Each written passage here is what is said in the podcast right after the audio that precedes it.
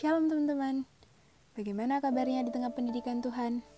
Semoga kita tetap kuat dan teguh dalam iman.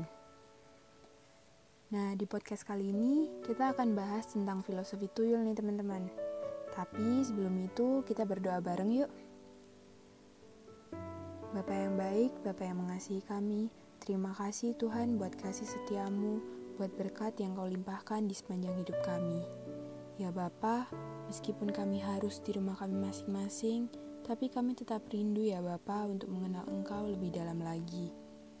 Ya Tuhan, saat ini kami mau mendengarkan renungan, kiranya renungan ini boleh menjadi berkat dan kami boleh bertumbuh lagi dalam Engkau. Terima kasih ya Tuhan, dalam nama Tuhan Yesus kami berdoa dan mengucap syukur. Amin. Nah gini teman-teman, aku pernah dengar cerita dari orang yang lebih tua, tapi aku lupa siapa tepatnya.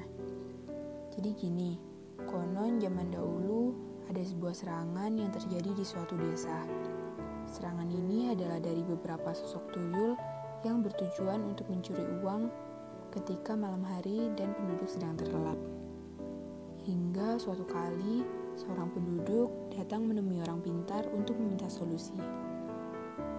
Diberilah solusi yaitu dengan menyediakan kepiting sungai di suatu wadah lengkap dengan airnya atau dapat menaruh cermin di tempat penyimpanan uang. Tujuannya adalah ketika tuyul datang dan hendak mencuri uang, tuyul tersebut akan teralihkan menjadi justru bermain dengan cermin atau kepiting tersebut sehingga ia gagal mencuri uang. Namanya saja anak kecil, pasti kalah dengan yang namanya. Betapa lemah sekali prinsip tuyul tersebut yang begitu mudah teralihkan dalam perjalanan tugasnya hanya oleh mainan.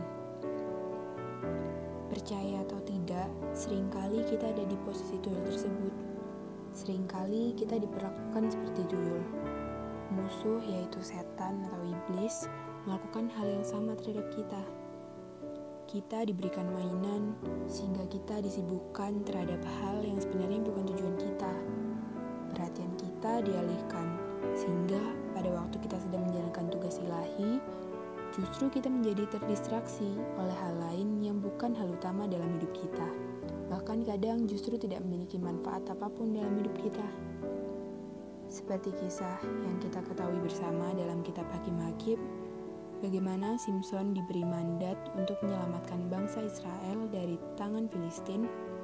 Namun, justru yang terjadi adalah dia teralihkan oleh seorang wanita bernama Delilah yang justru melemahkan dia dan mengacaukan rencana ilahi. Musuh sangat mengerti kelemahan kita. Bahkan, bisa jadi dia lebih paham segala sesuatu dalam diri kita lebih dari sahabat. Musuh selalu mencoba mengalihkan perhatian kita dari tugas yang diembankan dalam hidup kita, supaya justru kita menjadi sibuk dengan hal-hal duniawi. Uang, smartphone, pekerjaan tanpa batas, bahkan banyak hal lain yang justru menjauhkan kita dari Tuhan. Dalam firman Tuhan, 2 Timotius 4 ayat 3 sampai yang kelima, karena akan datang waktunya orang tidak dapat lagi menerima ajaran sehat, tetapi mereka akan mengumpulkan guru-guru menurut kehendaknya untuk memuaskan keinginan telinganya. Mereka akan memalingkan telinganya dari kebenaran dan membukanya bagi dongeng. Tetapi kuasailah dirimu dalam segala hal. Sabarlah menderita, lakukan pekerjaan pemberita Injil, dan tunaikanlah tugas pelayananmu. Walaupun dalam akhir kisahnya Simpson memilih untuk memperbaiki cerita hidupnya, tetapi pun itu adalah pilihan. Dan saat ini mungkin pilihan itu ada di hadapan kita.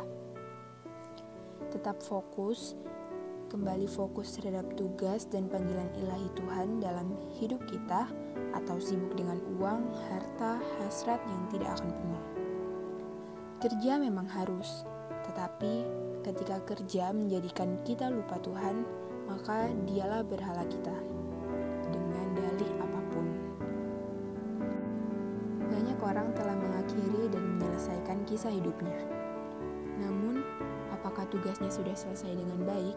dan tepat seiring dengan habisnya masa hidup, kiranya kasih, damai sejahtera, dan sukacita Tuhan dilimpahkan dalam kehidupan kita. Tuhan Yesus memberkati. Shalom.